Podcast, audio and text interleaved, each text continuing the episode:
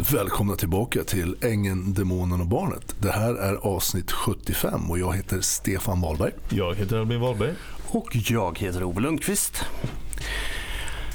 Våra kära narcissister som vi har pratat om så ofta. De finns ju överallt. Och eh, man brukar också hitta dem inom religiösa sammanhang. Eh, där de faktiskt också går under skydd under Gud eller vem det nu kan vara som de tycker att de har rätten att vara som de är.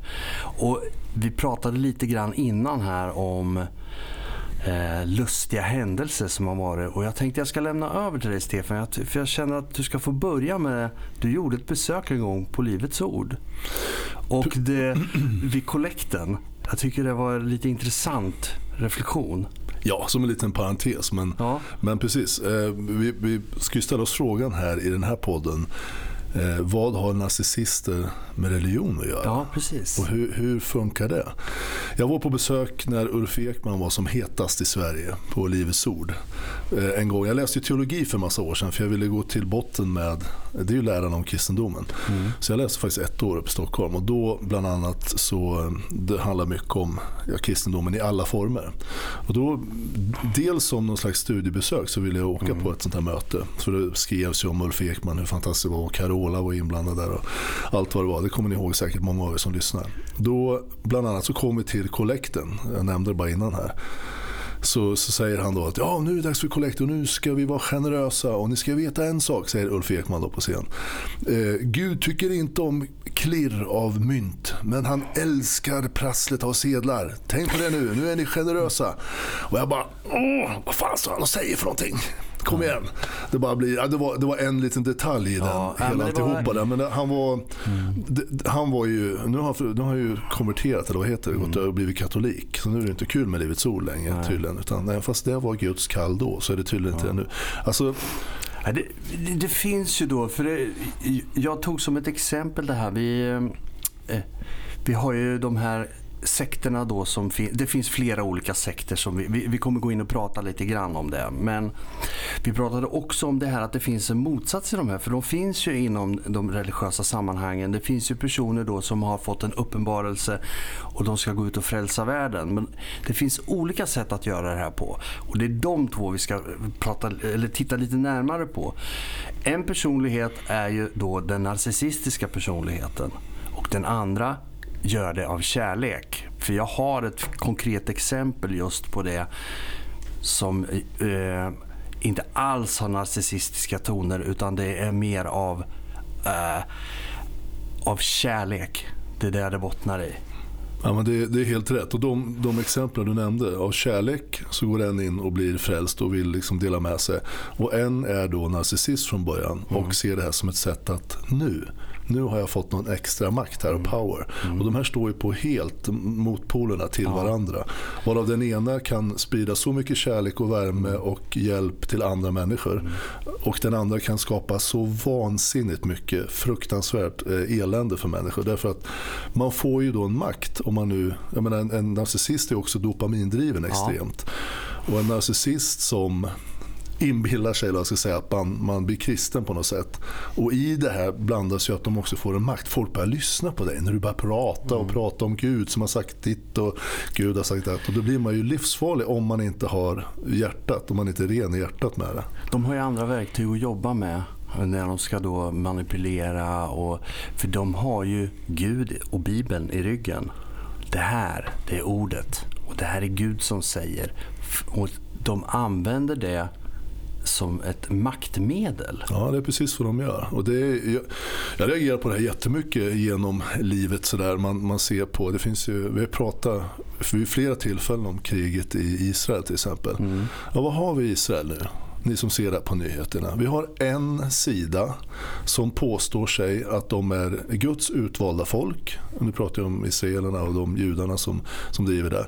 De är Guds utvalda folk. Man kan inte bli jud utan det måste man födas till. Och de har extra makt. Det står i deras egna, egna bib, motsvarande bibel och deras skrift att sådana som inte är som dem och sådana som, det står några exempel, vet, nu kommer jag inte ihåg orden, men om man, om man dyrkar någon annan gud, då har de rätt till och med att fängsla dig, ställa inför rätta och i värsta fall kan de till och med döda dig. Alltså, mm. Jag såg någon video, de frågar någon jude rätt upp och ner. Det är ena sidan.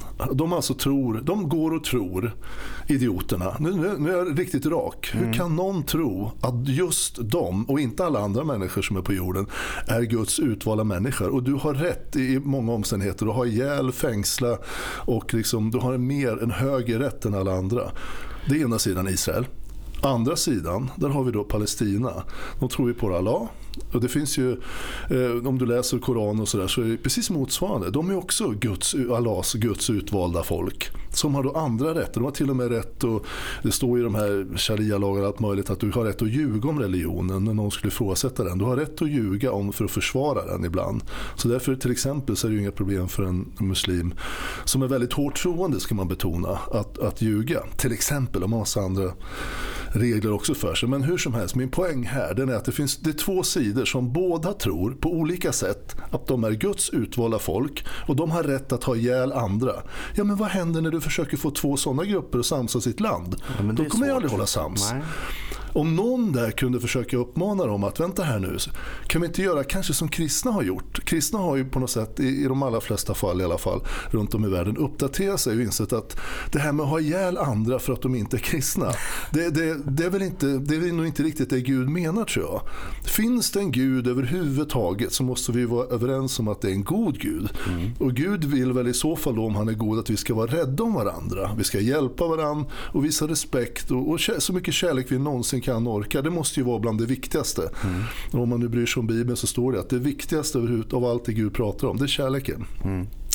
Så att man då ska, och då har, för att kristendomen har också sin historia. Där kristna har varit fruktansvärda back in the days. Och är säkert idag. Vi kan ju bara ta ett eh, aktuellt exempel med Helge Fossmo här. Ja. Uppe i, vad heter det där han var? I Knutby. Knutby. Ja, alltså, titta på den stollen. Så där går det när en narcissist mm. får för sig och inbillar sig och går in i en slags psykos och tror att han är Guds utvalde. Det slutar ofta med hemskheter. Mm. Alltså alla, det här med att blanda in religion när du är narcissist. Alltså narcissister, jag läste någon forskare som forskar på det här, han sa att narcissister dras i många fall till religionen och när de upptäcker religionen mm. då, då blommar de ut och då får de den här makten som du pratar om mm. som kan bli fullständigt förödande. Mm. Så jag skulle vilja på något sätt, ni som lyssnar nu och, och när vi diskuterar om det här, alltså man, man märker ju vad det är för, om, om det är någon som tror på någon slags gud mm. i någon religion. Alltså, det, det, kan ju inte finnas flera gudar i universum, det låter ju helt bisarrt. Vi måste ju prata om samma gud, sen kan man ju kalla den olika. Om det är Allah eller Gud eller vad de nu kallar den. Så måste man ju kunna notera då att är den här människan, vill den här människan allt gott för alla? Mm. Eller säger den att nej, min religion det är den du måste tro på. Om du inte tror på den här, då blir det konsekvenser. Ser du. Mm. Redan där, där, alltså, där måste man säga, vänta, är jag verkligen inne på rätt spår här? Mm. Om man är lite självkritisk. Mm. Tror jag att jag, just jag och några med mig har hittat eh, det Gud vill någonstans? En Gud som vi absolut inte ser. Vi kan känna honom, men man kan känna väldigt många saker i livet. Så man måste vara väldigt försiktig med vad man säger att man känner och vad som är gott. Man måste ju ha med sitt intellektuellt och sitt logiska tänkande med i det här också. Men, men de två liksom tankarna, så fort du tror att du har någon slags egen rätt att döma andra för mm. de inte tror på samma sak som dig. Redan där blir det ju bara fel. Mm. Och träffar man en sån människa då tycker jag man ska ta avstånd. Mm. Det är mitt absoluta råd. För att göra helt motpol till det där så ska jag ta det här om en gammal barndomsvän till mig som vi växte upp tillsammans och eh, spenderade mycket tid tillsammans. Han hade alltid en liten tro på Gud. Det fanns någonting. Han var väl mer en sökare. Han visste liksom inte, men det var ingenting han pratade om eller någonting. Man visste väl att så där är, han har den, den känslan i alla fall för Gud. Åren går, han blir vuxen, han hamnar i trassel med både rättvisa och droger och alla möjliga konstigheter. Så att han har haft ett tufft liv alla gånger. Och, men han har alltid haft hjärtat på rätt ställe. Han är ingen ond människa på något sätt. Även om han har varit kriminell så är han fortfarande en god människa innerst inne. Har alltid haft en tro men också då blivit en tvivlare därför att livet har kanske inte varit så lätt och Gud har väl inte hjälpt honom på vägen. Och Gud har tagit ifrån honom människor på vägen. Så det, det blir svårt. Men sen får han en uppenbarelse någon gång på vägen och blir djupt, djupt troende. Men för den sakens skull så blir inte han en sån som går och är en evangelist och ska få andra att tycka som han bara för att annars är de inga goda människor eller de kan bli straffade av djävulen och så vidare som många då använder sig av. Utan han har, han har varit en evangelist i kärlekens namn när han säger oh, Gud vare med dig. Men det säger inte han för att han ska få mig att bli troende eller för att jag ska gå hans väg. Utan han säger det för att dela med sig av sin kärlek och hans räddning.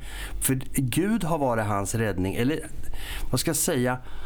Hans tro har varit en räddning för honom och han lever idag ett väldigt bra liv ska jag säga. Han är aktiv inom kyrkan och han vill vad ska jag säga, förmedla sin känsla.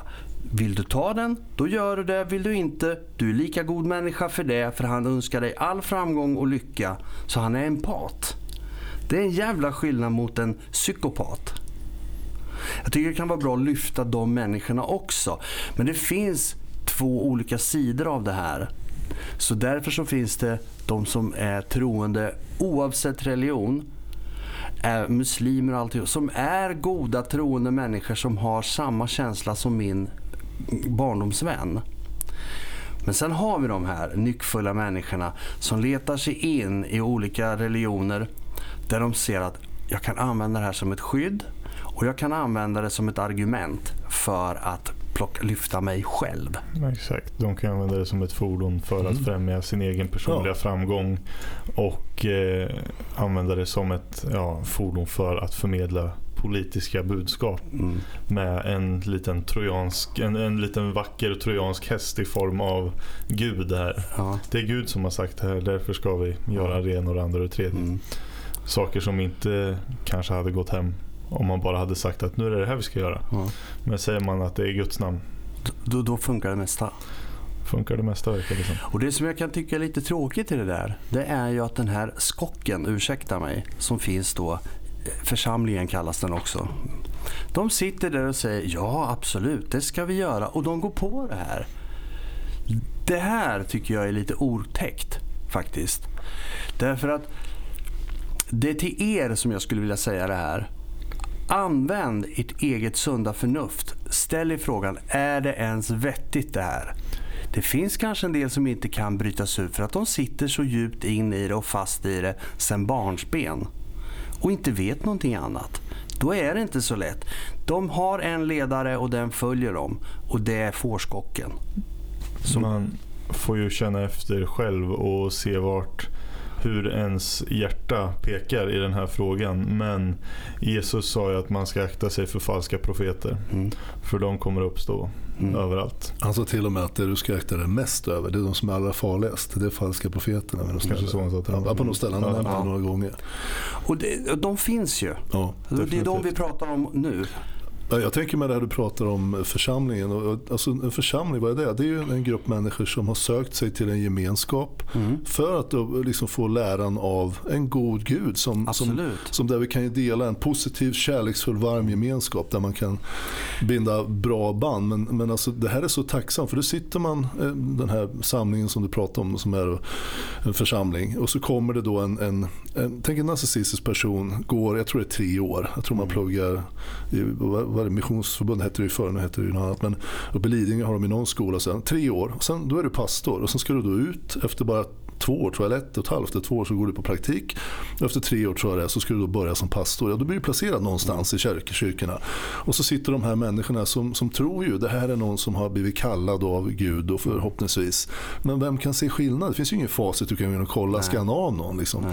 Och så kommer en narcissist och tar hand om en församling. De är man är ju öppen när man sitter där och lyssnar. Man gör ju det. Man vill ha vägledning i livet och lyssna på Guds ord då. Alltså det är därför man sitter där. Och, och om man vill liksom stärka sig själv, då kommer en sån här riktigt otäck parasit in och börjar driva den här församlingen. Som till exempel i, i Knutby. Det är ju inte mm. enda stället. Alltså så här. Jag, jag ska börja med att säga att det är långt ifrån alla församlingar och kyrkor och alltihopa som är liksom, som sitter i klorna på en narcissist. För så är det inte. Det finns många bra människor som verkar i kyrkor, alltså pastorer. Och, det finns otroligt mycket. Ja, absolut. Men nu kommer vi till lite grann som är lite elefanten i rummet när man pratar om, vi pratar kristendom kan vi göra för det är enklast, det ligger oss närmast som vi känner till. De som, drar, eh, som kommer till kyrkan är oftast nedbrutna människor. Eh, personer som har haft det svårt, osäkra, vilsna. Alla har olika problem. Det här, och de är oftast empatiska människor. Nästan på gränsen till överempatiska. De har svårt att säga nej. De har fått lida ganska mycket. De går, kommer till kyrkan därför att de ska få tröst och vägledning och alltihopa, det som du var inne på. De söker någon fast tillvaro, någon som kan hjälpa dem att komma upp igen och komma på bena och få ett schysst liv. Det här, det vet narcissisten om. Här, här har jag en stor massa människor som jag kan styra över. Därför att de är redan på ganska låg nivå. Så att där kan jag bryta ner dem lite till så att, det, så att jag äger dem. Många kommer till kyrkan för att de söker svar. Ja. Om man kan stå där och ge dem svaren så är de väldigt mm. mottagliga. Så därför är ju då kyrkan en grogrund för en narcissist att få jobba och verka och kunna göra det helt ostört. Därför att de här personerna som sitter i skocken som jag säger, tyvärr. Men de sitter och tar åt sig och lyssnar och faktiskt tror och köper allt det den här personen säger. Därför att de har inte den egna viljan själva. Det är ju därför de är där. Hade de haft en egen vilja och en egen kunskap och tro på sig själva, då hade de inte varit i kyrkan på det sättet. Jag, jag måste komplettera den bilden lite grann, för jag är själv med i en församling utanför Örebro, i Torsborg, där ni har varit mycket scouter och mm. ni har varit med och gjort en massa aktiviteter. Man, man söker sig inte bara till kyrkan för man är dålig, men eller svag i livet eller svag Jag säger inte att alla gör det. Nej, men, jag, jag, tror att det är liksom, men däremot tror jag det som är gemensamt det är att man, man vill något gott. Man vill, mm. man vill ha god vägledning mm. i livet mm. på ett kärleksfullt sätt och man vill ha en, en kärleksfull gemenskap som man innan man kommer dit tror att kyrkan vill ge. Men, och det som är faran här är ju alltså innan man ens har hört den här pastorn, och säg att det kommer en ny pastor till en församling och man kanske är ny som medlem där också. Innan mm. man ens har hört ett ord med honom, av honom eller henne mm eller den som det nu kallas, allt möjligt. Men, eh, så, så är ju rollerna givna. Liksom. Man mm. sätter sig, det är gudstjänst, nu ska den nya pastorn och innan han, han eller hon ens har öppnat munnen så, så har man rollerna. Och, och den här pastorn kan säga, den här personen kan säga väldigt, väldigt mycket innan någon skulle säga Nej hörru du, det här, alltså, och det är ju, man predikar ju då, ska ju göra då Guds ord som är då heligt på något sätt också. Och det får man förhålla sig till och tänka till själv, vad innebär det? Det är klart att man måste kunna kritisera Guds ord och försöka på ett, på ett konstruktivt sätt och kunna klura ut vad han menar. Men man gör inte det, man sitter och lyssnar och sen får, det blir en väldigt bra grund för en narcissistisk person mm. att komma in och som du säger, ta över liksom mm. en församling och påverka dem och nästa sig in. För sitter man där, man är tyst och man kanske predikar en, en och en halv timme kanske. Mm. Och man sitter ju inte och diskuterar en gudstjänst. Man lyssnar på pastorn där den får stå och mala sitt budskap. Om den nu vill det, om den nu är en sån här narcissistisk person. Förhoppningsvis så är det ju, det finns ju jättemycket bra eh, människor som predikar kärlek och, och verkligen brinner för att vara goda människor också. Så det, det är ju inte så att alla är narcissistiska. Men, men, men, det finns ju ett antal som dyker upp då och då som som är och de, de, de, det blir förödande. Det är ju så här att jag säger ju inte att all, alla är så här, jag vill poängtera det, utan det finns ju eh, alltså risken, eller vad ska jag säga, oddsen för en eh, narcissistisk personlighet att kunna växa med, med, med liksom sin egen vilja, vad de vill utvecklas och bli och få styra över andra är större att hitta det i en kyrka eller att starta kanske då en egen sekt. Som, men det är ju ingen sekt, för det kan de ju inte säga. För det, är ju, det blir ju en församling. Kyrk, eh, en kyrka eller församling, men som är sekt. Och det är där som de här, det är ju en grogrund som är eh, ypperlig för dem att komma in i. Mm. Sen är, det inte, sen är det inte säkert att en sån person kanske kommer in i en stark kyrka där de har haft en bra eh, liksom, pastor, där det har varit väl fungerande. För det blir som ett samhälle. Och om det har varit väl fungerande och den här eh, gamla pastorn då ja, slutar på grund av ålder eller vad som helst. Det kommer, tillträder en ny som har narcissistiska drag. Det är inte så säkert att den blir långvarig för den kanske till och med blir motad på dörren därför man, man inser att nej det här det är inte rätt. Det kan också hända. Men då går vad tror du den här gör? Den går ju vidare. Den kommer ju slutligen hitta sin, sin skock. Mm. De som faktiskt är svagare. Mm. För de finns. Man ska inte vara rädd för att säga, ta upp och säga det. För att vi öppnar ju en burk nu. Mm. Och släpper ut massa saker som folk pratar kanske lite om hemma men inte offentligt. Nej, men det, det är allvarligt. Alltså, man kan titta på hur världen har fungerat nu och har fungerat i tusentals år. Så, alltså, religion säger man är orsaken till eh, de flesta krig. Mm. Men religion med, som, som utövas av nazistiska människor. Det är där vi har problemet. Ja. Alltså, det finns ju massor med genom, alltså, goda, kärleksfulla människor mm. som har spridit så mycket gott och som antar i många krig, de blir ju totalt dödade därför att de vill inte ens lyfta ett vapen. Men, men eh, som sagt, jag halkar tillbaka lite grann till, på, på där man, alltså så fort man har den här känslan av att man är för mer än någon annan. En kärleksfull, till och med pastor eller en eld eller vad som helst, du är duktig på någonting i, i vilket, vilken samling som helst. Mm. ska ju vara kärleksfull. Det är vi tillsammans här. En för alla, alla för en. Vi håller ihop här. Mm. Och vi är inte, någon är inte märkvärdigare än någon annan. Man ska verkligen, personen ska ju betona det så att man verkligen har det här höga taket. Man kan säga vad som helst. Mm. Annars blir det osunt. Jag tror att det är ett mänskligt drag också. Mm. Det ser vi på politiker nu. Jag sitter och kollar på EU-politiker hur de sitter och snackar om Ukraina och allt vad det är.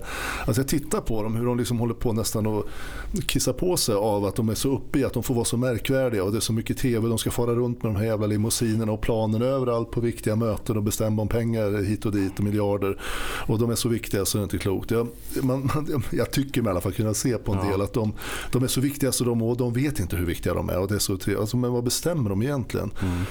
Och de pratar om klimat men de flyger omkring i sina plan och sådär. Men, men det var en parentes kring det hela. Men det, det är den här mixen av människor med makt. För du får ju en pastor också mm. makt. Mm. Olika samlingar, nu pratar vi om religion och församlingar. Men det ställer ju till vansinnigt mycket elände i mm. världen. Och som, som jag sa, det är ju, titta på vilken religion som helst du träffar en människa som är då religiös på något sätt, om det är islam eller kristendom eller vad som helst, något mm. annat, så kan du rätt så snabbt, om du liksom tänker till runt det här, se skillnaden på dem. Jag har ju en av dem, jag berättar en av de absolut bästa anställda som jag hade på Guldkornet, mm. var ju muslim men supergod mm. och kärleksfull och ville alla väl. Mm. Han hade liksom moderniserat upp sitt sätt att vara muslim. Mm. Trodde på Allah och Gud men sin familj och alla. Otroligt kärleksfull. Alltså det är precis så vi ska vara. Sen spelar det ingen roll vad vi kallar våran Gud. Liksom. Då har du en grogrund för att leva.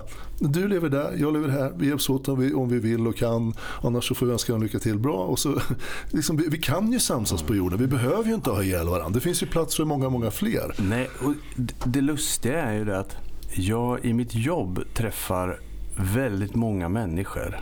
Och jag träffar också många eh, alltså, som har anknytning till någon religion. Och muslimer ganska mycket. Och jag kan säga att jag bara träffar bra människor. Jag har liksom inte... För min personliga upplevelse av muslimer så är den god. Den är bra. Jag har dessutom också väldigt mycket vänner som är religiösa och troende. Men de, eh, de gör inget väsen av det. Utan de är, de är nöjda i sin egen tro där de liksom har den för sig själva. De går inte och håller på och försöker omvända människor på något sätt. Det är inte deras uppdrag i livet utan de har hittat någonting som är bra för dem själva. Så det finns så mycket olika sidor i det här med, med Eh, tro och religion. Mm. Ja, men jag, jag, om, om, man tänker till kring det, nu har jag suttit och grubblat här och pluggat i ett år och genom livet haft mer funderingar kring det och pratat med väldigt många. Men, men det blir, vad ska, vad ska jag försöka dela med mig här, men alltså det, det blir Vi får liksom knäppa ur oss ur någon slags konstig bild där religionen ursäktar massa saker. Till exempel kan inte jag förstå hur hela världen nu, nu börjar det knorras lite grann, men hela världen backar Israel i att hänsynslöst bara mosa människor. Mm. De påstår att, att eh, de har skjutit ihjäl massor med journalister eh, från, ja, vad, är det, alls, vad heter den här muslimska eh, arab Eh, det finns en ny station som, ja, som är... Al Jazeera? Al Jazeera, precis. Har ju dött ett gäng journalister och sådär. De, det påstås att de har medvetet försökt arrestera. Men hur som helst, de fäller bomber och det dör ju massor med oskyldiga människor som bara vill bo. De vill bara leva ett gott liv med sin familj mm. och bara bo och leva och ta det lugnt och säkert vara snäll mot alla andra. Men det skiter de i. Den här Netanyahu, jag tycker fan ställ på honom för fan. Kan inte någon vettig med lite makt säga att nu får du sluta med det här. Mm. Utan nu får vi titta på en lösning. Du får sluta nu. Jag menar, förena, vad heter de, UN och FN och håller på med allt möjligt här och försöker hjälpa dem. Men vad, vad är det som behövs mer? Se, kan man inte se att det här är inte bra? Sen det motståndarsidan gör är inte heller bra. Men det måste sluta och dödas människor för guds skull. Mm. Och, och, och kalla, säga då att, för det, bottnar, det här bottnar ju religion. Ja, ja, ja. Och det här bottnar i att extremt narcissistiska personer som tror att de har mycket, mycket högre värde än de här som jag har ihjäl. Och Gud stöttar mig när jag har ihjäl de här.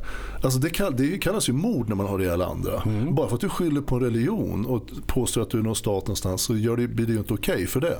Men, Men det är det i, i folks ögon. Jag blir så trött på att inte folk eh, gör mer. Som, det finns ju ett antal mäktiga människor i världen som kan göra någonting åt det. Man legaliserar ju brutala handlingar i Guds namn. Ja. Det är ju så det ja. blir. Om det finns en Gud, vilket jag tror att det gör, då vill ju han att vi ska vara rädda om varandra. Mm. Vi ska sprida så mycket kärlek och värme som möjligt. Och man kommer göra misstag och göra egoistiska handlingar. Då kommer ändå, den ständiga men... frågan som alla ställer sig. Varför tillåter hen det då? Ja. Gud. Ja. Vad det nu är. Det, det, där skulle vi ta en teoretisk diskussion om ja. någon gång. Men det handlar om det fria valet Ove. Ja. Det är lurigt när man säger så här, jo, Jag hade en djup diskussion med en lärare en gång. Den kommer inte från mig utan det vet jag att folk runt Absolut. omkring sig ställer sig den mm, frågan. Ja. Om nu Gud finns, varför tillåter den varför tillåter Gud att det här händer? Ja, det, ett, ett enkelt svar. Jag, jag, hade, jag har haft massor med diskussioner faktiskt med lärare vi hade som skulle vara de bästa som finns. Men det är intressant att lyssna på. En han hade en teori om att om inget tillförs i ett system, tänk dig jorden och alla mm. människor med ett system. Om ingenting utanför tillförs ett system, mm. då skulle du teoretiskt kunna räkna ut, det kan man ju inte, man kan ju inte ha eh, tillgång till hur en, en människa är funtad, hur man har för egenskaper, allt den har varit med om från när den låg i magen i princip. För då mm. kan man räkna ut att med allt det här baff, då kommer den här människan göra det och det. Mm. Och då blir liksom livet inte, då, då, blir livet som en, man blir som en robot och gör mm. saker. Det här blir konstigt, jag ska försöka förklara. Men om det är en kraft utifrån som du kan känna efter, jag vill ha hjälp med det här och göra något gott. Ah, då får du hjälp med lite positivitet, då kan du välja att göra dina egna val och då måste det dåliga valet finnas med för att mm. du ska kunna göra det bra valet. En jätteenkel förklaring på en jättesvår Vi har ju pratat om det här förut, problematik. de här polariseringarna. Alltså motvikterna till varandra. Gott, ont, stark, svag. Alltså, det, vi, vi pratade lite grann om det där, skulle man alltid vara glad? Så, eller vara alltid ledsen? Så det, man, mm. De här känslorna som man har i kroppen. För är man alltid glad då vet man inte hur det är att vara ledsen. Då blir allting bara en rak rätt linje. Det blir liksom inga, ingen dynamik. Ja, men det har lite med det att göra. Ja, det finns därför, alltid motsatser till det. Ja, det är väl lite det svaret som jag skulle kunna ha. Varför finns det krig? Ja, det kanske är för att upprätthålla den här dynamiken mm. mellan gott och ont, krig, krig fred. Eh, även om vi har satt namn eller ord på olika saker så är det så att det måste finnas en motpol, yin yang det är ju egentligen bara att backa tillbaka till den principen så är det ju lite så det ser ut. Och så kan man inte, och man ska ju självklart inte nöja sig med att ja, det måste finnas krig för att det ska finnas fred. Okej, okay, bra. Det är nej, inte, så, utan, nej, nej, det är inte det, så vi menar. Nej, men alltså, utan, däremot så, så kommer det alltid det finnas dåliga i... handlingar eller, i livet på alla möjliga sätt. Uh -huh. Bland annat i krig och, och, man utnyttjar religionen för att ha ihjäl andra människor. Vilket är Alltså jag, jag, förstår inte någon djupare mening i det. Man är så otroligt driven av en grupp som bara det här ska vi göra, det här är vårat, Gud är med oss, okej. Okay. Mm. Det är några narcissistiska ledare som tar täten och sen bara hakar mm. de på. Mm. För det är någon slags trygghetsbeteende, också säkerhetsbeteende att tillhöra en grupp. Mm. Och sen ångar det här på. Men någon måste ju, vi sitter här i vår podd och säger vad vi tycker, att någon måste ju med lite makt säga, vänta här nu, fan, mm. vi sätter oss och pratar om det här istället. Ni kan ju faktiskt leva tillsammans. Det spelar ingen roll om du heter jude eller muslim eller kikalan eller vad du vill kalla det. Vad som helst, det spelar väl ingen roll. Nej. Vi kan väl i alla fall enas om att jag har inte ihjäl dig och du har inte ihjäl mig. Då kan våra barn kanske leva en, en bättre framtid och sådär. Hmm, inte så dumt alternativ. Men de här religiösa tankarna som narcissistiska personer driver leder ju fram till jävligt märkliga handlingar. Otäcka handlingar. Det känns ju inte riktigt som att eh, alltså när man börjar gå i krig att det är ett demokratiskt beslut. Utan det är ju fattat av en mindre grupp, oftast då styrda av en narcissist. Ja, ibland en till och med. Ja, faktiskt. Vilket är ganska otäckt när det då eh, består en befolkning kanske på 15 miljoner människor mm. och sen så då är det en person som säger ni ska ut i strid. Och är det då desto mer kanske 60 miljoner människor då är det ju då är det otäckt på riktigt. Mm. Att man kan göra och det, där, det är det här man ska fundera lite grann på eh, med hur långt kan en narcissist gå i sina handlingar. Alltså det, vi, vi, pratar om så här småskaliga narcissister som finns runt omkring oss som faktiskt är ganska eh, oförargliga på sitt sätt. Men i förbannat så gör de skada på någon, på, på, på någon skala. Sätt, ja, precis på någon skala. Ja. Men när du börjar komma upp till de här högrankade narcissisterna som gör stora skador. Mm. Och ingen törs sätta emot det. Därför att av någon outgrundlig anledning så börjar folk runt narcissister de blir så här, gå på tå, vi vågar inte göra någonting, vi är rädda för konsekvenser. Men för helvete, om en tokjävel till narcissist ställer till det, då ska du väl då också sätta... Är det så att de gör ett brott som borde egentligen eh, antingen då polisanmälas om vi pratar på, eh, inte krigsnivå utan på en vardagsnivå, mm. då ska det ju då anmälas. Vi har ju fått lite exempel skickade till oss mm. om eh, personer som hade blivit drabbade av en narcissist. Och folk backar för de vågar inte göra det för de är rädda Nej. för repressalier. De mår dåligt själva och så ja. kan inte sova på nätterna.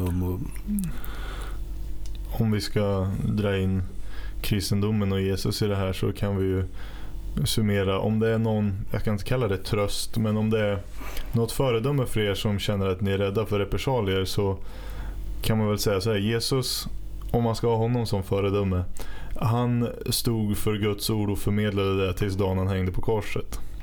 Eh, han eh, vägrade vika sig för ja, vad som han ansåg vara folk som inte följde Gud. Han stod för det han trodde var rätt. Mm. Och han var korsfäst för det. Och det, det är en väg man riskerar att gå men ibland är det en risk man behöver ta.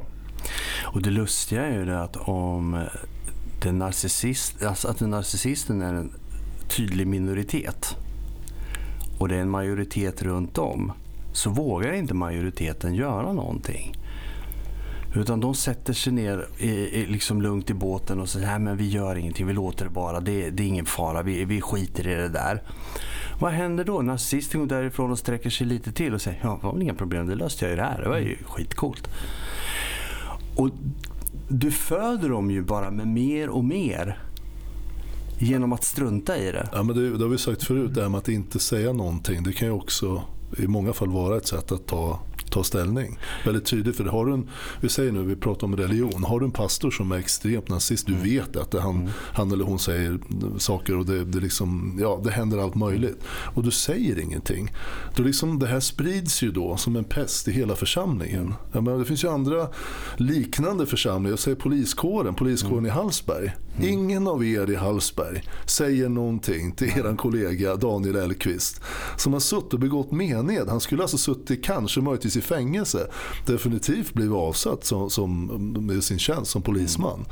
Men ingen gör någonting. Ja, vad händer då? Nu har ju han dragit lite skit över hela poliskåren i Hallsberg.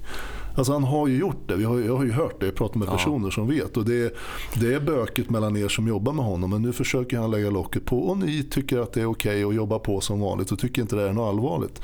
Vilket det är. Mm. Så någonstans så stå upp och försök att rätta till det. Om inte annat prata med den här narcissisten själv. Och säg du det här du sa. Då, om det nu är en pastor i en församling. Var inte rädd för att prata. Så kan jag säga, ja men det kom från Men vänta. Alltså, vi kan, alltså var inte rädd för att ta en diskussion. Det är bara, vi är bara människor. Mm. Om du är pastor eller polisman eller politiker eller vanlig sketen arbetslös spelar ingen roll. Vi är bara enskilda små människor som gör så gott vi kan när vi springer omkring våran tid här på jorden. Och det, det minsta vi bör göra det är att ha kommunikation med varandra och hjälpa varandra. När någon också gör något bra kan man ju berömma någon. Mm. Blir det dåligt, ja men var inte rädd för att säga det. Du, jag bryr mig om dig och, och vi har det bra här men det där du sa det, det, när man sitter och lyssnar på det, det där var väldigt konstigt. Och så ber jag förklara sig så kanske man kanske kan rätta till det. Mm. De säger ju att um, starka nazistiska personer inte blir friska men man kan i alla fall hindra dem från att blomma ut negativt i en församling. Vad nu det innebär och hur det går. Men man kan i alla fall göra någonting. Men sitta tyst, det är inte så jävla bra när man har någon någon sån här toxic person i sin närhet. Men det är ju så här att eh, har man då som en eh narcissistisk person som en pastor till exempel.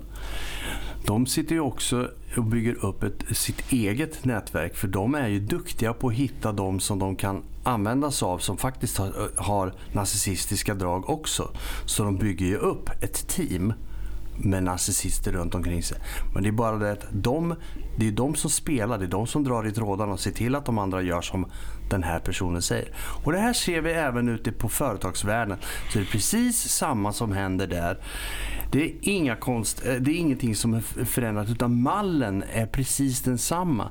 Det är bara det att eh, det finns en starkare församling att manipulera i en kyrka. Och du har ju, vad ska jag säga, din eh, framgångsrating är mycket högre i en kyrka än vad den är ute på en arbetsplats. Du har ju ett verktyg som heter duga när du påstår att du är fylld av Gud. Mm. Och det kan du ju vara och det är jättefint. Men du påstår att du är och det blir helt galet. Alltså, det säger man inte emot hur som helst. För är, man har ju respekt hos de flesta. För... för det är ju så här att många de, de, de ser till att finansiellt kunna stärka sig själva. Så, de här riktigt rika pastorerna så går omkring med pälsar och, och ringar och guldhalsband. Ja, men det, vi har ju sett det här. Alltså, det, ju, det, det, blir ju ett skämt till slut. Men de finns på riktigt. Och vad de gör, de lurar ju, de får ju då församlingen att belåna sina egna hem, hem för att kunna ge pengar till kyrkan. Mm. inom situationstecken. Vilket är privata pengar i pastors ficka. Det är lättare att göra pengar i kyrkan än att göra det i företaget tydligen. Ja, det är det nog i många fall. Ja. Jag vet inte hur vanligt förekommande är det här i Sverige? Nej, men alltså, det, Nej, det, det, det, förekom, Livets Ord var ju så. Ja, ja, Livets Ord, de, de, men, de lånar ju upp sina hus. Jag mm. känner på, det var länge sedan jag pratade med dem, men alltså, det var ju många som lånade ut och det var ju artiklar om det med. Kalla fakta gjorde reportage som lånade upp allt vad de någonsin kunde för att betala till, till Livets Ord och hjälpa till med det ena och det andra. Och det behövdes mer och mer och mer och Ulf Ekman var bara rikare och rikare. Um, så det, det finns ju. Mm. Det gör ju det. Och, och, alltså Gud har ju inget med pengar att göra på det sättet. Man, man, säger att man ska ge, står i Bibeln och det är väl ett schysst riktmärke, man ska ge sitt tionde om man nu klarar det. Men man ska hjälpa till med det man kan. Och vad man än lägger, om man inte lägger någonting så skulle det vara okej. Okay. Ja. Den här fixeringen vid pengar, där har du ju en flagga direkt som du kan säga, nej men det här är inte, det här är mm. inte okej. Okay. Det är något som är fel här. Det, bara, det, finns ju rimlighet vad mycket pengar som behöver gå till kyrkan. För är det en, vad säga, en privat kyrka det är klart att den måste finansieras på något sätt och det måste finansieras av församlingen och det innebär ju också mm. att alla ska dra ett lass till det om man nu vill ha det. Det är ju som att ha en mm. förening och ha en föreningslokal och man ska betala precis samma sak. Man har medlemsavgifter och då måste man ju se till att de här medlemsavgifterna också täcker det som, de kostnaderna som man har. Men när det börjar bli så här att man ska betala flera hundratusen och det liksom bara rullar pengar hela mm. tiden. Då måste man ju liksom ta och fundera på, vänta nu, vad är det frågan om? Det här är ju inte rimligt någonstans. Då är det fel kyrka. För de här kostnaderna de är ju orimligt höga i sådana fall. Mm. Och vad får vi tillbaka? Ja, vi får en pastor som åker in i en ny Ferrari. Det är spännande. Eller motsvarande, Mm. precis. Ja. Nej, men det, finns, det finns ju, de har ju sett. Eh, nej, men du sa att de här nazisterna som dras till kyrkan, de skaffar ju sina, kolla här med Knutby hur han Mm. hade då Kristi brud som åkte runt och fick ju, de, de skulle ju tävla med varandra och ge presenter. Hon ville ha finare och finare presenter, allt möjligt. Hon fick, Mm. Det var helt stolligt. Att hon klarade sig ur det här, det fattar inte jag. Nej. Otroligt märkligt. Hörru du, eh, det där har vi ju märkt vid flera tillfällen att de klarar sig ur. Ja, men det är svårt, det är svårt när man pratar religion också, vad det var. Liksom, vad är fri vilja att ge och vad är inte. Det är jättelurigt. Men, men det finns en koppling helt klart. Nu ska Eh, vi säga att vi pratar om den fula sidan om, Ja. om religionen. Mm. religion, om man, om man överhuvudtaget ska, ska mena om man ska prata något, eh, om det ska vara något bra med så är det ju som vi har sagt med, det ska ju, vara, ska ju kantas och styras av kärlekens tecken, goda handlingar Mm. och empati och, och göra någonting, inte för att det är någon business på något sätt, utan du ska göra för att du, du, du vill det själv.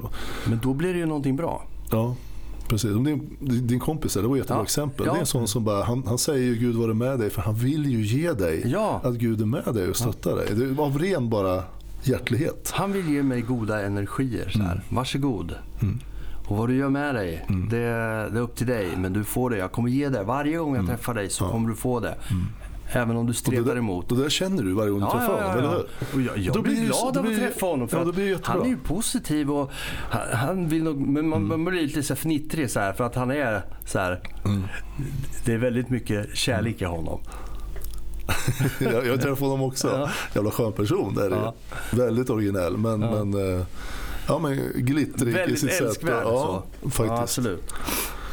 Ja, men det, det finns ju som sagt, man, man ska försöka ha det här som någon slags eh, måttstock själv. Som mitt tips. Jag har ju läst mycket om det här och observerat mycket genom mitt liv. Men till exempel, eh, och jag är inte rädd att namnge dem. Alltså, Jehovas vittnen kanske är jättebra på en del saker. Men de har några saker som är så idiotiskt korkade så jag har aldrig varit med om maken. Ja, men alltså kan du till exempel ha i de regler, du får inte ta emot blod från någon annan. Det är 2023 och vi vet väl alla att själen inte sitter i blodet, eller? Ja, det är inte helt säkert. Nej, det är inte helt säkert. Men vi tror väl i alla fall att vara, vi är hyfsat säkra på att det inte sitter i blodet. Alltså, Om du får blod av mig så blir ju inte du jag, ska, jag, ska, jag ska berätta en sak om det här. Då. Den, den farliga sidan av olika eh, vad ska jag säga, församlingar och religioner. Jag hade en klasskamrat som var med i Jehovas vittnen, förmodligen fortfarande än idag. Eh, Jag har inte sett honom sedan vi, ja, strax efter vi slutade skolan. Han kom och, som evangelist höll jag på att säga, men han kom och knackade dörr gör de ju. Och han kom hem till mig när jag var i 20 och 23 års åldern någonstans. Så vi, Ja. det var ju en bra stund efter vi hade slutat skolan. Det var, det var ganska nära att han inte hade fått fortsatt sitt liv efter högstadiet. Så, för att eh, han åkte på, jag tror det kallas för sjukhussjukan, han hade en infektion Oj, i ja. benet och det var ja, jävligt elakt.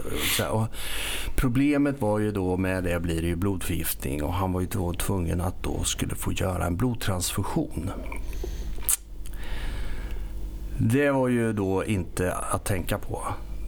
Föräldrarna då väljer då att han då ska... Nej men, eh, det är Guds vilja att han ska gå bort i sådana fall. Eh, vi var ganska unga och man förstod ju inte det på något sätt. Man, bara, vad är frågan om? För det var helt obegripligt det där. Eh, sen tror jag han blev tvångsinlagd. Alltså, alltså sociala myndigheter gick in och bara tjoff in med. Så han överlevde. de Ja, han, men jag tror att han blev eh, lite utstött också efter det där. Därför att han hade ju begått ett brott då, då mot deras kristna regler. Eller vad man... Jehoviska regler. Jehoviska regler. Eller vad det kallas. Ja, jag vet inte. Jag kan för lite om det där. Eh, Så att, där fick jag en ganska stor avsmak i munnen efter det där. För det, så behandlar man inte. Det är inte kärlek någonstans. Man gör inte så. Väljer att, att ens barn ska dö därför att man tror på skriften. Så. Man kan ju fråga sig hur galet kan det bli och hur, hur stolligt kan människor bete sig? Här Mm. ligger deras barn som de då förhoppningsvis älskar mer än något annat Ja, och håller på att gå bort och de vet att de, han behöver blod. Nej. Eh, det går inte vi med på Nej. som är ansvarig för då får han hellre gå bort och det är Guds mening i så fall. Hur stollig får en människa bli? Jag bara säger det. Alltså här måste man våga gå in.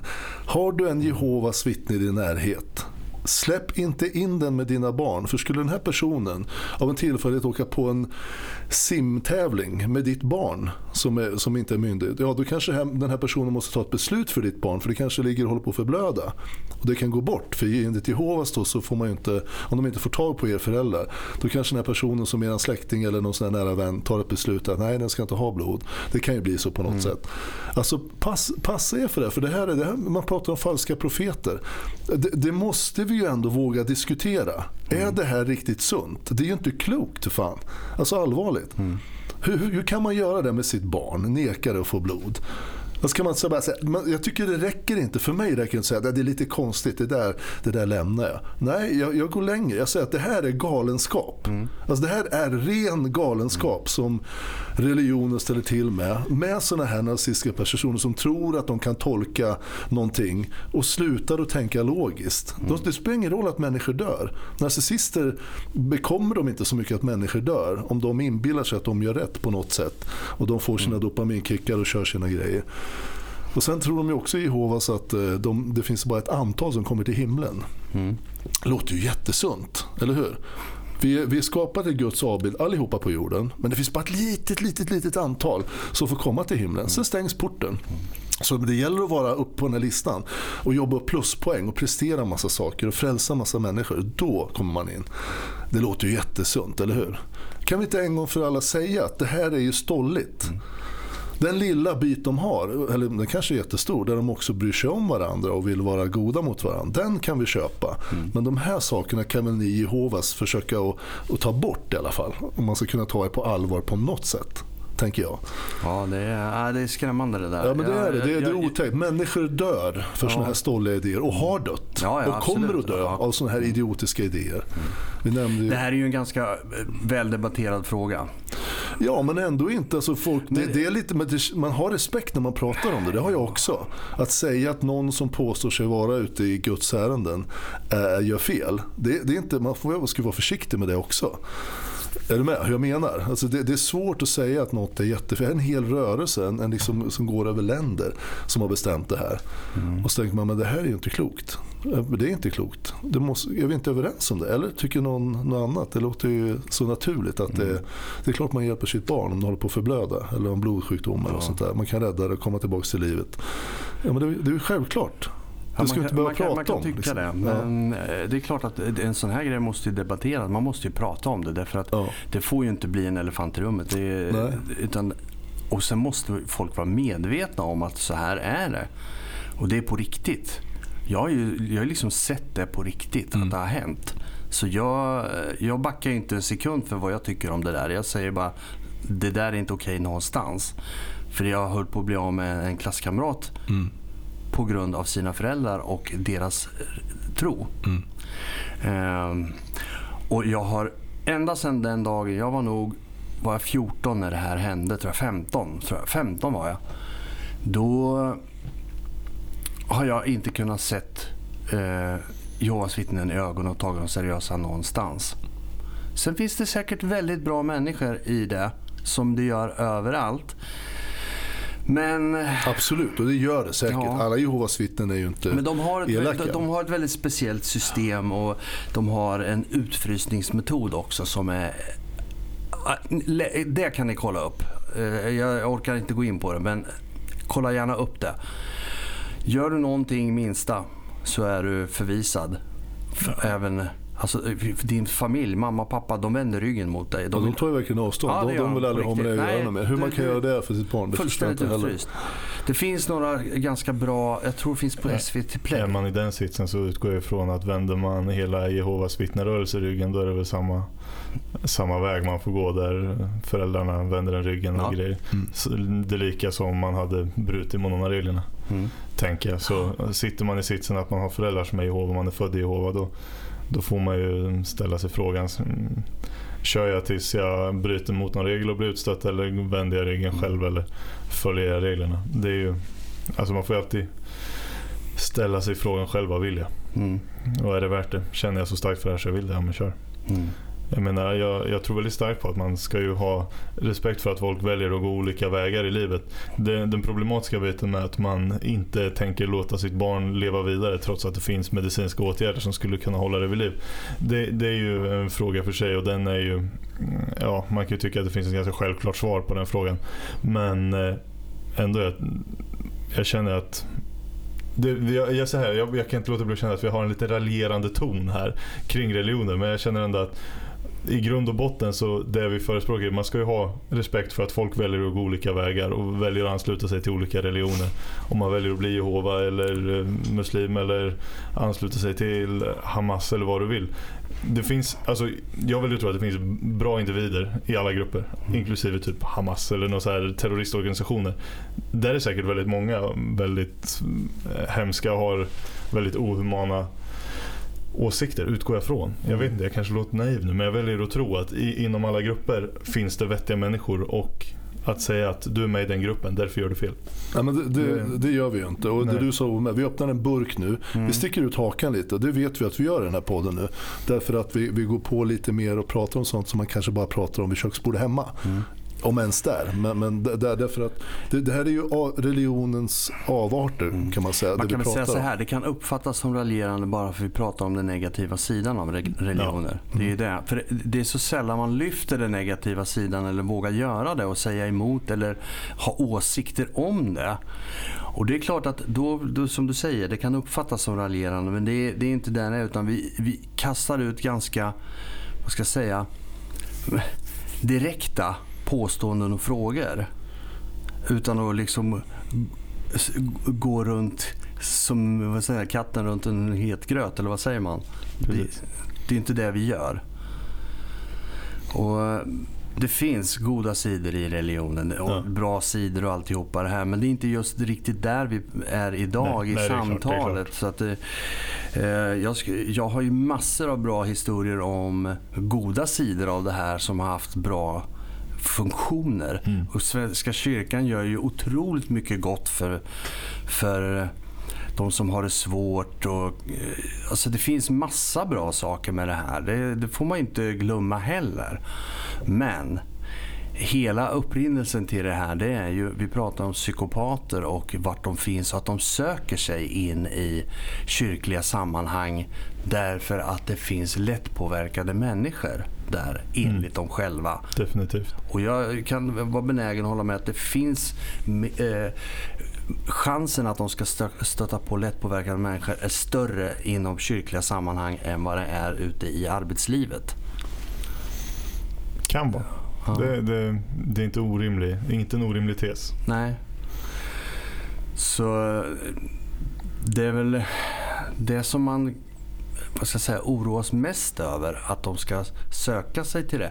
Det är väl också det här att det kan finnas i Ja, de dyker ju upp även i idrottssammanhang också. Så är det ju. Där, där de blir de här starka ledarna. Ja. Som kanske också sen åker dit för massa saker. För att de har gått över flertalet gränser. Så kan man väl säga. Men det är, en, men det, det, är ett annat avsnitt. Det är ett annat avsnitt. ja, nej, nej, men alltså det, det, har det gemensamma. Vi, vi, gemensamma att vi har ju pratat om sedan dag ett om mm. narcissister, narcissistiska personer personer med narcissistisk personlighetsstörning och ibland då psykopater med. Vart de, hur de verkar och hur man kan försöka klura ut vad de gör. Och religionen, det är ju ett område som vi har berört mycket i den här podden. Mm. Där får de ju enorm makt om de liksom hajar till och lägger, ja, lägger, investerar några år i en utbildning till pastor eller något sånt där. Och där kan du ju härja runt med människor som narcissister älskar. Jag satt och lyssnade på gamla telefonsamtal här med, som Eva skickat till mig. Fast det sa hon att hon inte hade gjort nu men det har hon en hel mm. del. Och jag hör ju liksom hur hon har levt upp i den här rollen. Som, och det är också ett annat kapitel. Men, men alltså, narcissister älskar den här makten som de får på olika sätt. Mm. Och religionen är ju väldigt enkel, väldigt enkelt sätt för dem att väldigt snabbt få att, att uh, skylla på någonting. Att det här är meningen och jag har fått en, en, ett budskap här nu i natt och allt möjligt. Ja, väldigt, väldigt och folk, säger inte, som, folk som vill, vill, bli matade eller sådär, vill bli inspirerade. Matade låter negativt, men inspirerad i en församling ja. av en pastor som då ska inspirera dem till bra saker och stärka dem och sådär. Är ju väldigt mottagliga mm. för nästan allt den här pastorn säger. Och det är där det farliga, farliga blir. Och de är, alltså, man ska komma ihåg det att en narcissist är ju väldigt duktig på att dupera, manipulera och styra och eh, prata, vad ska jag säga, storslaget och lova saker. Och de, de, de berömmer människor för att få dem med sig. Och det är väl klart att eh, då har de ju det här stora utrymmet att kunna spela ut hela sitt eh, register i en församling. Jag tänker en narcissist som har den där grandiosa biten, stå i en talarstol och oj, svänga sig med saker och teorier och de har fått ifrån Och han någonstans. är så påläst och han är så duktig. Han ja, är så går, charmerande. Det går väldigt hand i hand. De som är jättekarismatiska och kan ja. prata som att de vet precis allt mellan himmel och jord. Det är klart han är han kan Guds ord, han är mm. sänd från Gud, han har kontakt med Gud eller mm. något liknande. Det, det blir jättetacksamt för en karismatisk narcissist som kan ta för sig och kan prata. Och som sagt, man ser det på så många ställen. Ja. Vi var inne och touchade i det här med Israel-konflikten här. Palestina. Så det, jag hör han Netanyahu återigen står där bara och ingen vågar riktigt stå upp mot honom och säga Nej. du kan inte göra så här. Du kan inte döda oavsett vad man nu tror vilka som är rätt eller vilka som har gjort mest fel. Om det är Palestina, jag, ja. Hamas eller Israel. Det, jag, jag pratar inte men just nu är det mycket vad Netanyahu säger om Israels sida. Att de ska se till, de ger sig inte nu. De ska köra på, de ska utplåna Hamas. Och var de än tror minsta lilla verket som Hamas är, då bara skickar de bomber och bara mosar mm. från luften. Och det dör oskyldiga människor dagligen. Bara massor, massor. Kvinnor, barn, alla. Ja, det har ju dött fler i eh, Gaza på två månader mm. än vad det har dött i Ukraina sedan Ryssland invaderade för snart två år sedan. Ja. Bara den. Bara, bolla med den lilla referensen. Alltså att, att, att, ingen säger vi måste få slut på det här nu. Biden, kan du inte kvickna till lite grann och försöka säga att det ska vara stopp nu. Mm. Nu, nu, nu är det vapenvila från båda håll. Mm. Och Sen åker jag dit och sen sätter jag mig och snackar med er. Och Sen så får vi lösa någonting. Mm. Det är slut nu på dödandet. Kan ingen säga det? Nej det gör de inte. Utan de har så svårt för det är Israels land och det är deras heliga land och allt vad det är och de, ja, vad det nu är för någonting. Det blir, det blir så konstigt när man blandar in religion. Är ni med? Mm. Det blir så svårt att se tydligt. Men mm. att döda människor på det sättet borde man ju säga att det är fel. Ja, det är både religion och historia. ja, det är det. Ja, faktiskt. Det det. Ska vi ta och knyta ihop den här äh, svåra, svåra ja, säcken? Lite svår, det, svårt ämne. Det, det, svårt ämne ja. Mm. Hoppas vi har bidragit med någonting. Ja. Så ni får med någonting att fundera allt på. Allt för raljerande. får vi hoppas. Ja. Jag tycker du det Albin? Ja, vet inte. Jag kände för att nämna det i alla fall. ja, men, det, är bra. Det är bra. väldigt mycket negativt väldigt länge men ändå belysa att det här, det här är ju inte den enda, enda perspektivet som finns att ha på religion. Men det är ett av väldigt många och varav väldigt många är väldigt bra. Vi har ganska mångfacetterade liksom, ås, mångfacetterade ja. åsikter om, eh, om religion. Så att det här är ju bara en liten del utav det. Och det jag, jag, sa det redan från början att det är det här, den den onda sidan höll jag på att säga. Exakt. Så vi hoppas att ni känner att det har varit, eller ja, det har väl inte varit jättenyanserat, men att ni förstår att det finns fler nyanser i det här. Det är inte bara den här sidan som finns. Kan väl avsluta med att säga att jag är ju själv kristen. Så jag, menar, och ja, jag, jag, kan gärna förklara om någon undrar. Ni får jättegärna eh, skicka frågor eller funderingar om ni vill. Det tycker jag bara är kul i så fall. Men jag tror på en god Gud som eh, ska inspirera oss att göra goda kärleksfulla handlingar. Och det är där jag liksom mm. tycker att eh, det kan bli lite fel när narcissistiska mm. psykopater ibland lägger sig in och tar, kidnappar religionen och sen kör de sitt race. Det är värt att belysa. Ja, det är värt att belysa. Men vi kanske hörs om en vecka igen, det hoppas vi ju. Ja. Så får ni vara rädda om er tills dess. Ja. Ha det gott. Ha det bra. Hej då.